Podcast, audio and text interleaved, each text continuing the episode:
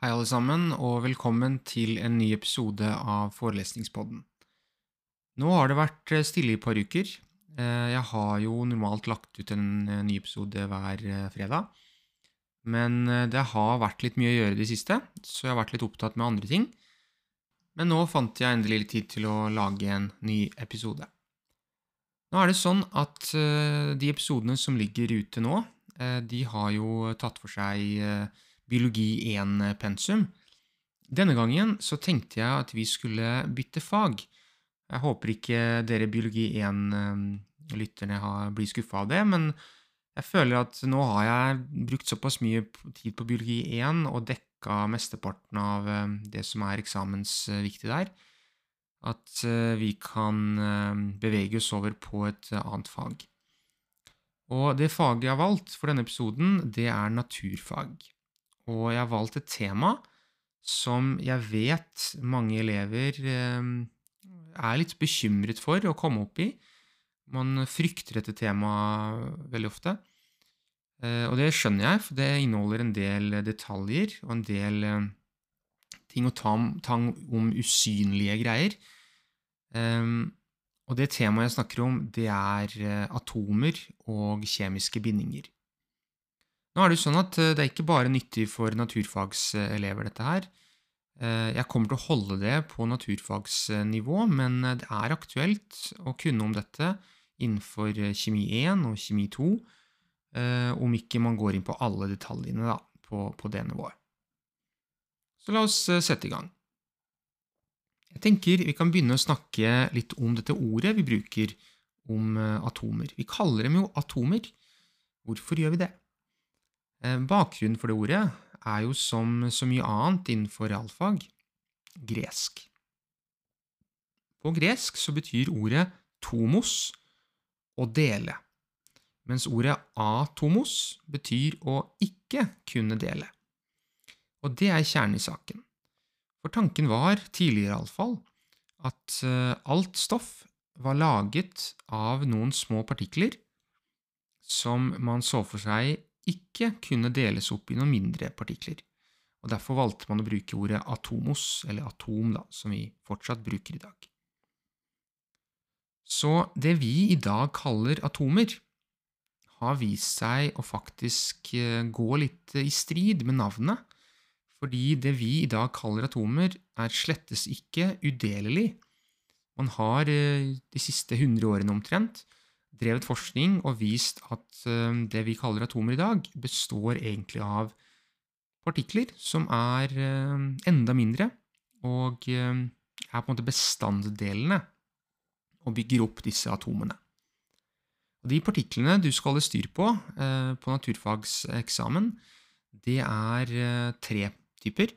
Det er protoner, som er positive, positivt ladd, nøytroner, som er nøytrale, og elektroner, som er negative. Og atomets opp- oppbygning er sånn at eh, de positive protonene og nøytronene de ligger i det vi kaller atomkjernen, limt sammen med noen sterke krefter, mens elektronene de svirrer rundt i det vi i naturfag omtaler som elektronskall. Og da er det også sånn at eh, normalt for atomer er det like mange positive, altså protoner, og negative, elektroner, partikler, som gjør at atomer er det vi kaller elektrisk nøytrale. Det fins ganske mange ulike atomer. Hvis du googler eh, nå mens du hører på dette her, eh, ordet periodesystem, eller periodesystemet, eh, så får du en tabell som viser en oversikt over de atomene vi kjenner til, eh, sånn som det er i dag. Og i de fleste av eh, tabellene så er vi oppe i 118 ulike atomsorter, eller grunnstoffer som vi kaller dem. Dette er noe som har utviklet seg over tid, for man har oppdaga nye, og man har også klart å lage nye grunnstoffer på laboratorier. Så det viser seg faktisk at av de 118 så er det kun de første 92 som finnes naturlig her på jorda. Eh, De andre forekommer da når man prøver å lage de i eksperimenter. Det minste av disse som forekommer naturlig på jorda, er hydrogen, og det største er eh, det radioaktive stoffet uran, som for så vidt også er viktig i pensum i naturfag i forhold til radioaktivitet. Det skal jeg ikke snakke om nå, men eh, da vet dere i hvert fall det. Så alle disse atomene i periodesystemet har det vi kaller et atomnummer. Eh, alle har et eget tall, og det er på mange måter hva skal vi si ID-kortet til atomet. Så hvis du er atom nummer fem, så forteller det en del om deg. Og det er ingen andre som har det atomnummeret, så du er på en måte unik. Og det dette atomnummeret forteller, er hvor mange protoner, altså de positive bitene, atomet har i kjernen sin. Samtidig så forteller det også antall elektroner, fordi antall elektroner og protoner er likt i normale atomer. Så hvis du plukker opp den tabellen, eller ser den på telefonen din nå, så kan du finne f.eks. atom med karbon. Veldig aktuelt eh, med tanke på at vi lever. Alt levende er laget med eh, en basis i karbon og noen andre enkelte stoffer, men karbon er kjernen.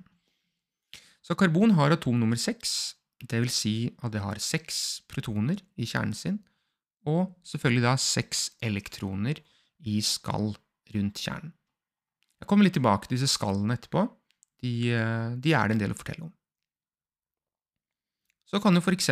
sjekke ut noen andre atomer, f.eks. Eh, klor, som har atom nummer 17. Ehm, det har da 17 protoner og 17 elektroner.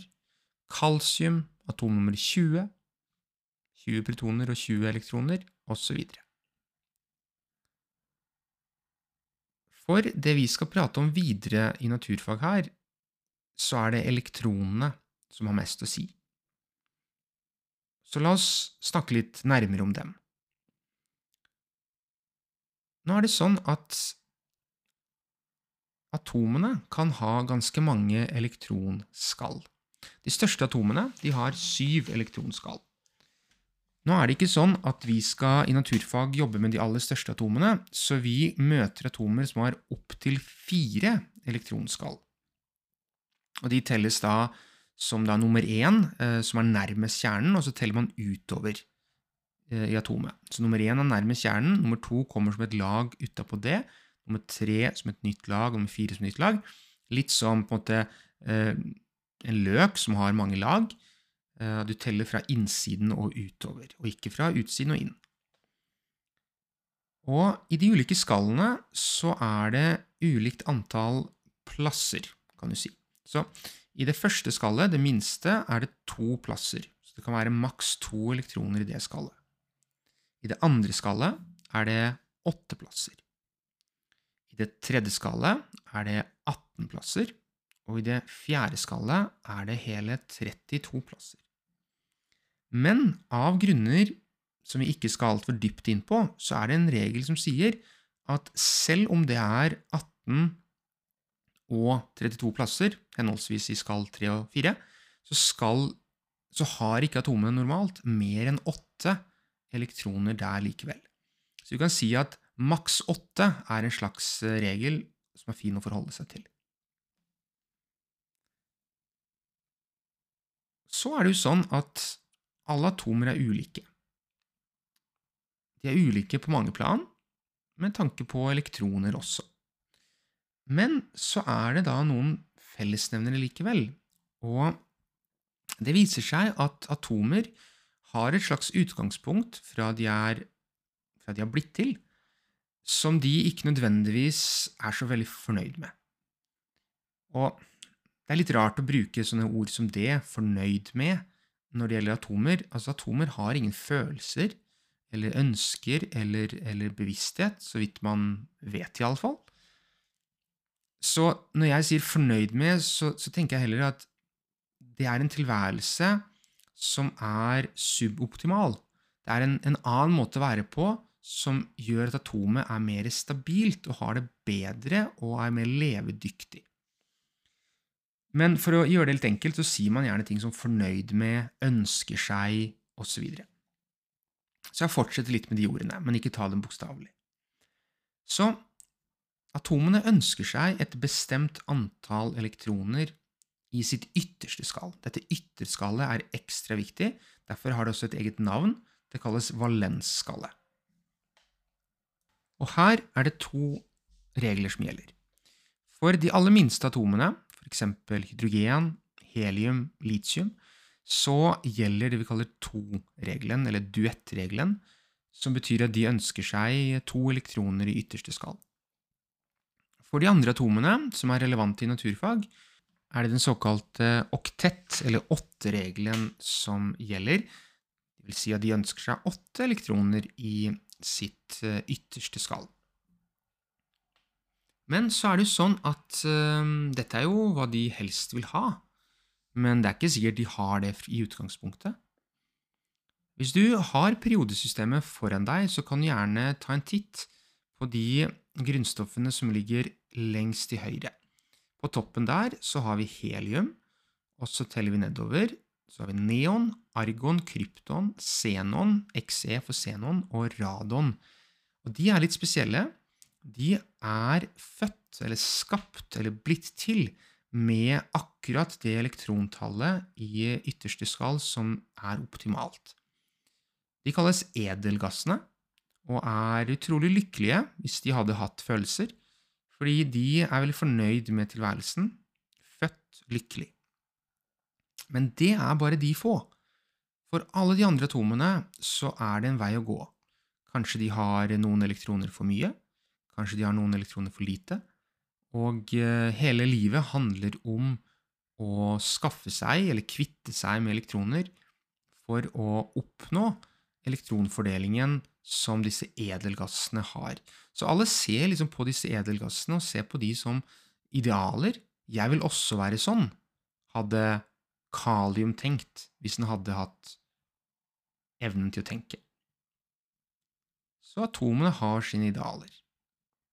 Men Spørsmålet er hvordan oppnå dette her? Hvordan bli som idolet ditt? Der er det ulike måter å tenke. Og igjen, jeg sier tenke og føle og ønske, men vi må huske at atomene har ikke tanker, ønsker og følelser. Det som skjer med dem, handler om å få de til å oppnå denne elektronfordelingen og Der er det mye tilfeldigheter som råder, men eh, de tilfeldighetene som fører til mer stabilitet, det er på en måte de riktige veiene å gå. Og Det bringer oss inn i temaet kjemiske bindinger. Så hvorfor danner atomer bindinger? Man kunne jo tenkt seg et univers hvor atomene var fordelt enkeltvis, Ehm, og ikke bundet sammen til noe mer komplekst. Det hadde jo vært et veldig kjedelig univers, fordi ehm, det at atomer binder seg sammen og lager mer komplekse ting, er jo utgangspunktet for alt vi ser rundt oss, for livet og, og i det hele tatt alt annet. Eh, vi er jo ikke lagd av masse enkeltatomer som bare står der. Eh, kompleksitet handler jo om at de små, enkle atomene binder seg sammen i større stoffer, og de større stoffene får bestemte egenskaper. Og Grunnen til at atomene gjør dette, er grunnen til at vi lever i et univers som uh, har forbindelser, og ikke bare løse atomer, er nettopp disse atomreglene.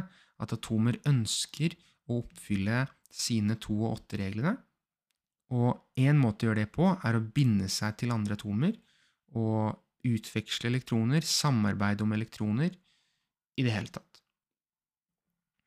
Og her finnes det en del veier å gå. Så i naturfag så lærer man om tre hovedtyper kjemiske bindinger som alle sammen handler om å løse sitt elektronproblem, oppnå denne, dette magiske totallet eller åttetallet. Og det kan gjøre det på tre måter. Du kan lage det vi kaller jonebindinger, som vi skal snakke om først i uh, mer dybde. Så kan du lage det vi kaller elektronparbindinger. Og så kan du danne det vi kaller metallbindinger. Og hvem som gjør hva, kommer an på hvem som møter hvem. Og tilbake til periodesystemet, så er det sånn at en del av atomtypene vi har der, en del av grunnstoffene, kalles metaller, og en, en annen del kalles ikke-metaller. Det er mange flere metaller enn det er av ikke-metaller.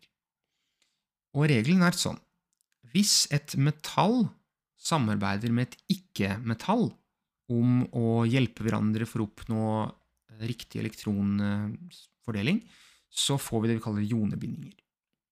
Hvis to ikke-metaller hjelper hverandre, så får vi det vi kaller eh, elektronparbindinger, som for øvrig også kalles kovalente bindinger. Og hvis eh, to metaller jobber sammen, så får vi det vi kaller metallbindinger. Og jeg tenkte at vi fokuserer først på jonebindinger. Så skal du lage en jonebinding, så må du ha to stoffer, et metall og et ikke-metall, som skal først omdannes til joner. Og forskjellen på atomer og joner det er at joner er en variant av atomet som har ladning. Og Her skiller vi i positive ioner, som kalles kationer, og negative ioner, som kalles anioner. Og Hvorvidt du blir et kation eller anion, handler veldig mye om hvor mange elektroner du har i ytterskallet i utgangspunktet, og hvor langt det er eh, til du får oppnådd din to- eller åtte-regel. Men for å ha litt klare føringer, så vil det være sånn at uh, disse positive, kationene altså, de kommer fra metallgruppa, mens de negative anionene kommer fra ikke-metallgruppa.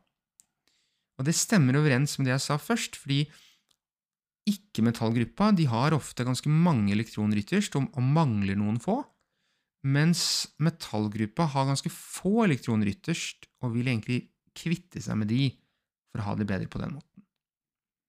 Så vi kan tenke oss et møte mellom magnesiumatomer og oksygenatomer. Elektronfordelingen til magnesium er sett fra innerste til ytterste skall 2, 8, 2. Så to ytterst og åtte innenfor det, og, 8 og to innerst igjen. For oksygen så er elektronfordelingen to innerst og seks ytterst.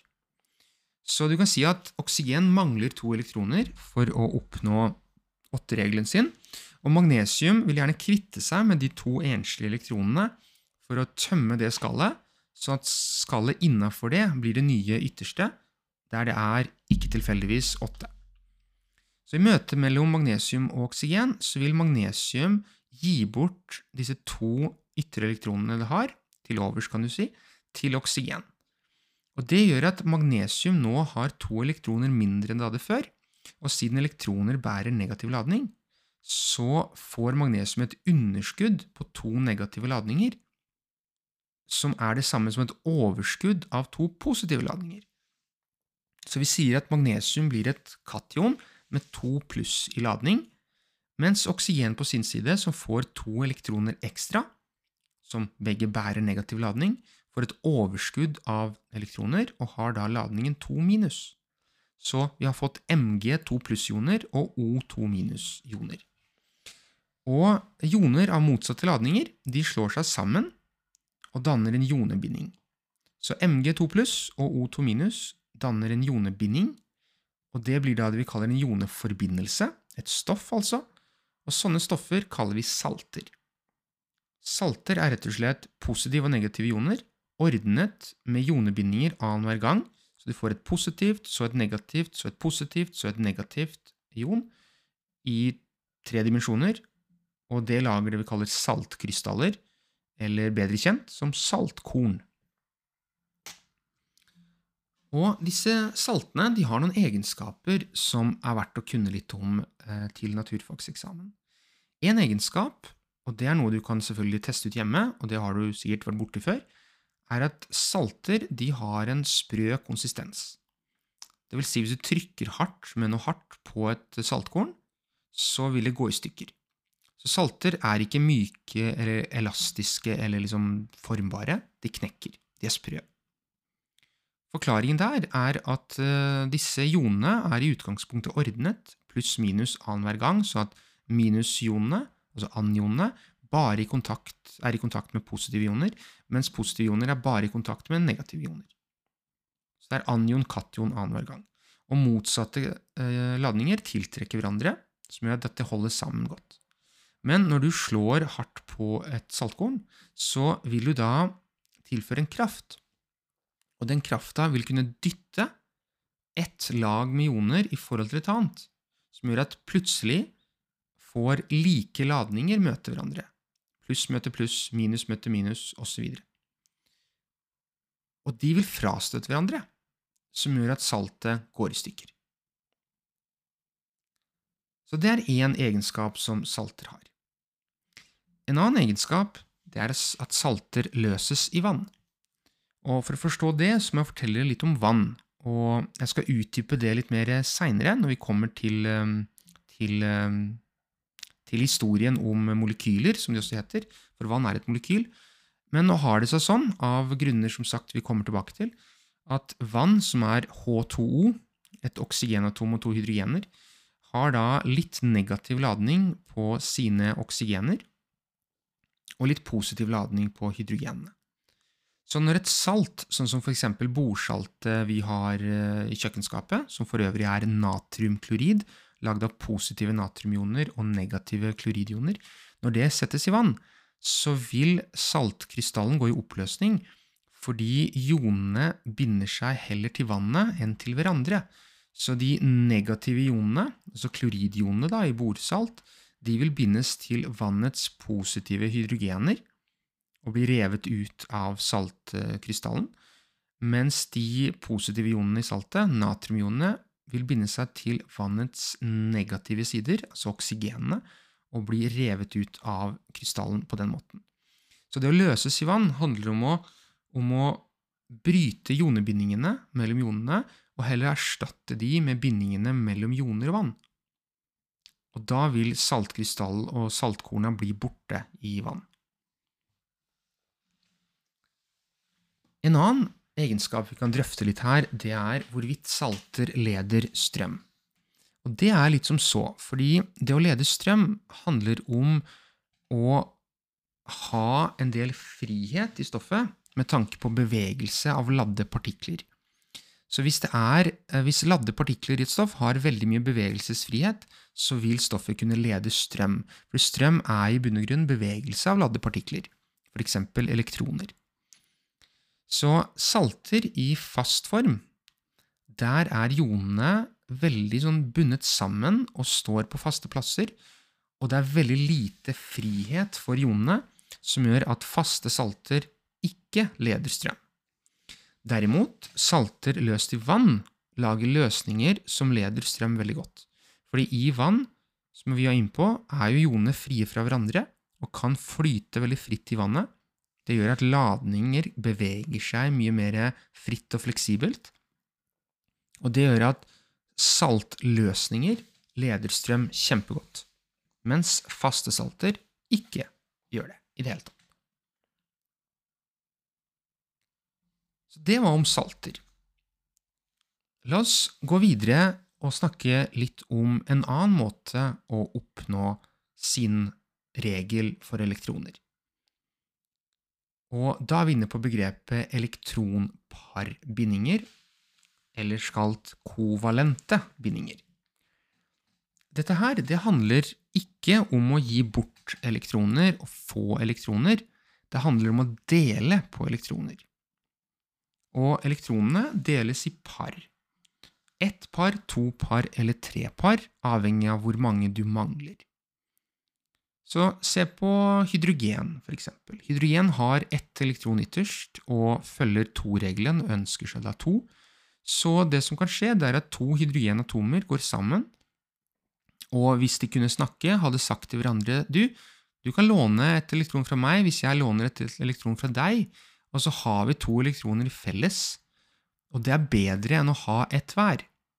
Så det å binde seg sammen og donere ett elektron hver til fellesskapet og ha et par sammen er en gunstigere måte å være på enn å ha ett elektron hver for seg. Så de lager en enkel kovalent eller enkel elektronparbinding. Når det gjelder eh, oksygen, f.eks., så vil det være sånn at oksygenatomene mangler to elektroner. De har seks elektroner ytterst og mangler to for å oppfylle sin åtteregel. Og de ville sagt til hverandre du, Jeg kan låne bort to hvis du låner bort to, eller bedre sagt, jeg donerer to til fellesskapet, du donerer to til fellesskapet, så lager vi en dobbeltbinding, og da har vi det bedre enn om vi var hver for oss. Nitrogen gjør dette her ved å investere litt mer. Nitrogen har fem elektroner ytterst og mangler tre. Og da kan to nitrogenatomer gå sammen, donere tre hver til fellesskapet, og deler da på tre par med elektroner, og lage det vi kaller en trippelbinding. Så elektronparbindinger kommer da i tre kategorier enkle, doble og triple. Og enkelte atomer er veldig fleksible med tanke på dette her. Og jeg vil ta fram karbonatomer som et godt eksempel. Karbonatomer har fire elektroner ytterst, og samtidig søker etter fire til for å oppnå oktett. Så det karbonatomer kan gjøre, er for eksempel lage fire enkle bindinger, lage to enkle og én dobbel, lage to doble, eller lage én trippel og en enkel. Uavhengig av hvilken vei de velger, og det kommer jo an på hvem de parer seg med og samarbeider med, så vil de fylle opp for å få åtte elektroner ytterst. Så hvis det er noe sånn at du har elektronparbindinger, hva får du da? For det første, de som danner elektronparbindinger, som vi var inne på innledningsvis, det er kombinasjoner av to og to ikke-metaller. Det kan være to like ikke-metaller, f.eks. to oksygener, eller to ulike ikke-metaller, f.eks. hydrogen bundet til et oksygen. Men uansett, stoffene de lager når de lager disse bindingene, de kaller man molekyler. Og Da kan vi ha noen merkelapper her. ikke sant? Vi hadde i stad jonebindinger, de danner salter. Elektronparbindinger, de danner molekyler. Når det gjelder dette med å dele på elektroner, så er det noen ganger eh, en slags jevn og fin fordeling. Andre ganger så er det sånn at det ene atomet eier disse elektronene som deles mer enn det andre. Og For å skjønne det så må vi innføre begrepet elektronegativitet. Kjempeviktig begrep for å forstå resten av historien. Elektronegativitet er basically atomenes evne til å trekke på elektroner, eller holde på sine egne, for så vidt. Og noen atomer er flinkere på dette her enn andre. Det som bestemmer elektronegativitet, er litt komplekst, men basically så har det med to store ting å gjøre. Det ene er atomenes størrelse. Små atomer har en tendens til å være mer elektronegative, altså flinkere på å dra til seg elektroner enn store atomer. Og eh, en annen ting er antall elektroner du har. Så du kan egentlig koke ned til at jo mindre du er, og jo flere elektroner du er, da, en kombo av det, gir deg høy elektronegativitet. Og ser du et periodesystem, så vil det være sånn at hvis du leser en såkalt periode, altså det er da en, en rad mot liksom, høyre, så vil elektronegativiteten øke mot høyre. Og hvis du leser en gruppe, så vil elektronegativiteten øke oppover. Og når jeg nå sier periode og gruppe, så lurer folk på liksom, hva er det han snakker om. Hva er en periode, hva er en gruppe? Vel, la oss snakke litt mer om periodesystemet. Hvis du har muligheten, ta frem tabellen, slå opp på nettet, så er det litt lettere å henge med på det jeg skal fortelle deg nå. Periodesystemet vårt er delt opp i syv perioder, og det er vannrette rader. For eksempel hvis du ser en tabell nå, så finner du at i første periode så har du to stoffer bare. Det er hydrogen og helium. I andre periode så har du flere stoffer. Litium, beryllium, bor, karbon, nitrogen, oksygen, fluor og neon. I tredje periode så har du natrium, magnesium, aluminium osv. Og, så og fellesnevneren for alle som er i én og samme periode, det er at de har så mange elektronskall som perioden deres sier. Så for eksempel, jeg plukker ut eh, kalsium, som ligger i periode fire. det betyr at kalsium, og alle de grunnstoffene som er i den linja, for eksempel kalium, brom, de har fire skall med elektroner. Når det gjelder grupper, så handler det om loddrette, altså kolonner. F.eks. hvis du leser ehm, ja, første gruppe, der det står hydrogen, og så litium, natrium, kalium og så nedover, de tilhører alle sammen én gruppe. Og Gruppene kan man telle på ulike måter. En måte er å dele det opp i 18 grupper, men det er ikke helt uh, den veien å gå i naturfag. I naturfag snakker vi heller om de åtte hovedgruppene. Og de leser man ved å lese på en måte de høye blokkene. Du ser kanskje Hvis du ser et bilde nå, så ser du periodesystemet begynner med en høy blokk, og så en annen litt lavere, og så blir det sånn ganske flat eh, blokk i midten, og så kommer disse høyblokkene igjen etterpå. Så man, man tenker gruppe 1 og gruppe 2 som hovedgruppe 1 og hovedgruppe 2, og så skipper man den lavblokka og teller da hovedgruppe 3, der bor ligger i periodesystemet. Og så hovedgruppe 4, der karbon er på toppen. Hovedgruppe 5, der nitrogen er på toppen. Hovedgruppe 6 har oksygen på toppen. 7 har flor på toppen. Og hovedgruppe 8 har helium på toppen. Og hovedgruppenummeret ditt forteller deg, eller forteller oss, leseren, hvor mange elektroner du har ytterst, altså i ditt valensskall.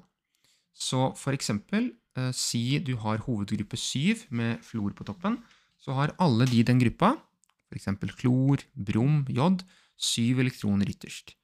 Mens hovedgruppe 1, med hydrogen på toppen og litium og natrium osv. under, har bare ett elektron ytterst. Så dette med at hovedgruppe er ditt ehm, elektrontall ytterst, det gjelder, men det er en som bryter trenden, og det er helium. Helium ligger i hovedgruppe 8, men har kun to elektroner ytterst, fordi det er et veldig lite stoff og følger to-regelen, så det er et slags unntak for disse reglene. Ok, så da vet vi hva hovedgrupper og perioder er, og basically, som sagt, ehm, jo lengre opp du kommer i en hovedgruppe, jo høyere blir elektronegativiteten, og jo lengre mot høyre du kommer i en periode, jo lavere blir elektronegativiteten. Så fluor, som ligger øverst til høyre, edelgassene telles ikke med i dette her, for de er veldig fornøyd, og de er ikke interessert i noen elektroner og noe greier. Så fluor er øverst til høyre av de relevante og har den høyeste elektronegativiteten. Mens det stoffet som har den laveste elektronegativiteten, finner du nederst i hovedgruppe 1. Så det øker altså oppover, og det øker mot høyre. Så hva betyr dette her?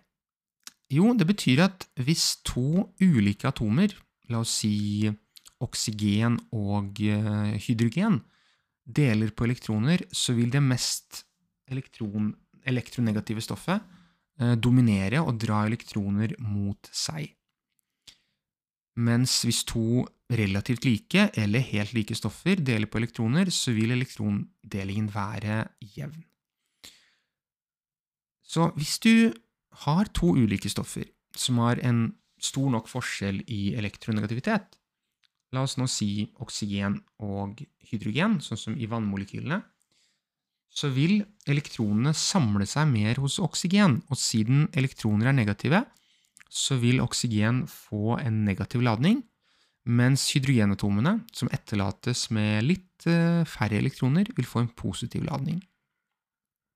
Og det å ha en negativ ladning, og det å ha en motsatt positiv ladning, det kaller man poler. Så vi har en minuspol og en plusspol i vannmolekylene.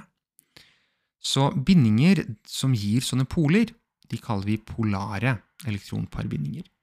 Så sånn sett kan vi skille mellom polare på den ene siden, som gir pluss og minus forskjeller, og upolare på den andre siden, som ikke gir disse forskjellene. Så vann vil man kalle et polart molekyl, mens eh, si oksygengass, hvor det er to like atomer, vil man kalle et upolart molekyl. Og det er disse polare molekylene som er litt ekstra spennende å snakke litt mer om. Fordi hvis du har en pluss- og en minusside, så har du noen egenskaper som kommer med det på kjøpet.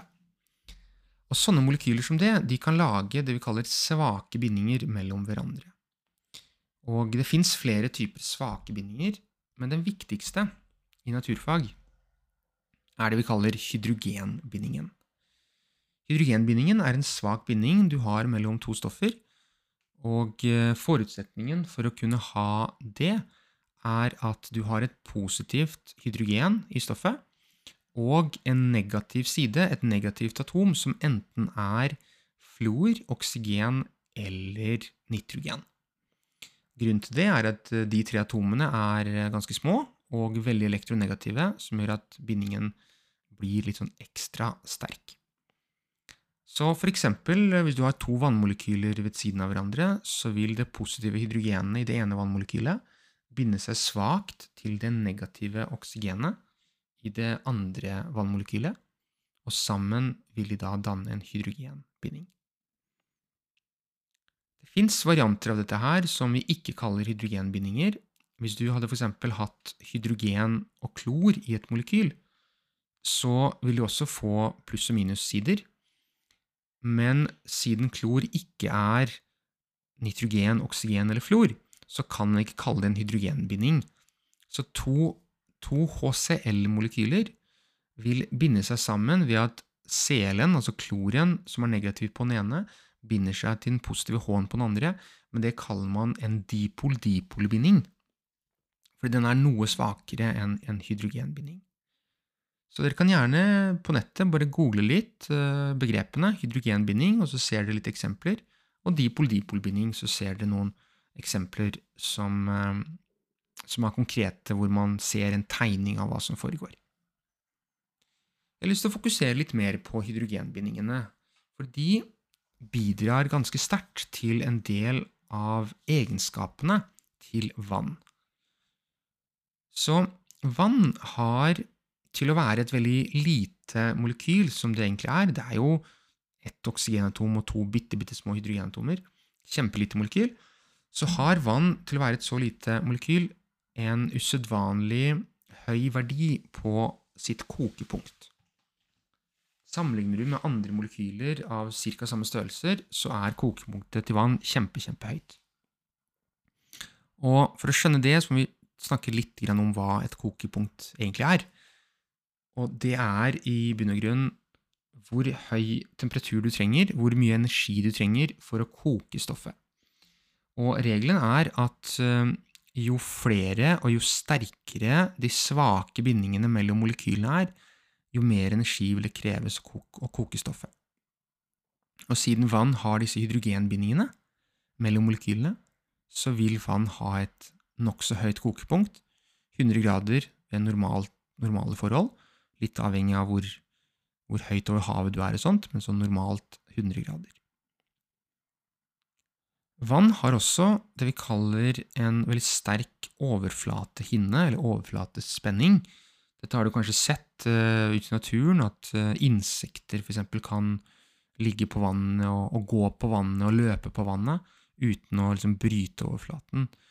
Og det er fordi hydrogenbindingene i vannets overflate holder vannmolekylene veldig fint sammen og danner et slags lite nett, nesten som et lite eh, pledd over vannet, som eh, ikke tåler eh, hva som helst, men tåler i hvert fall at insekter går på det.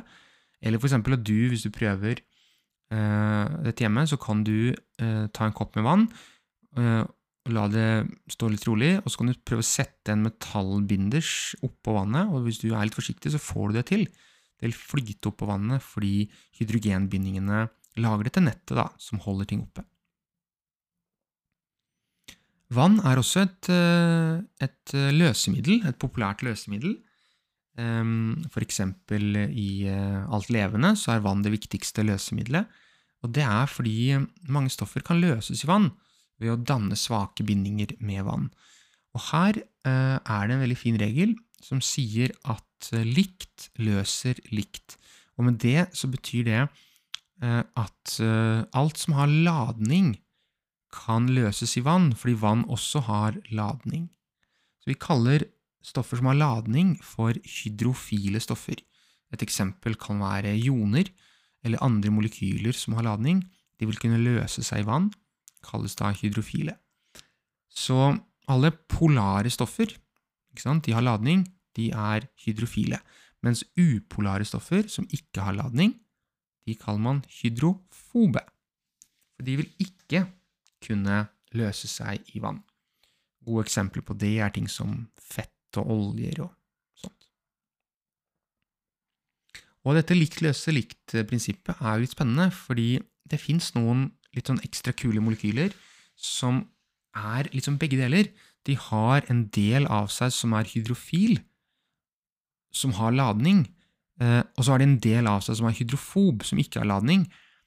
Og de er ganske kule, fordi de kan gjøre at uh, fettstoffer som ikke kan løses i vann i utgangspunktet, kan løses i vann likevel, ved at fettstoffet binder seg til den hydrofobe delen av dette spesielle molekylet, og så bindes vann til den hydrofile delen av dette molekylet, som gjør at fett og vann holdes liksom sammen ved hjelp av dette molekylet.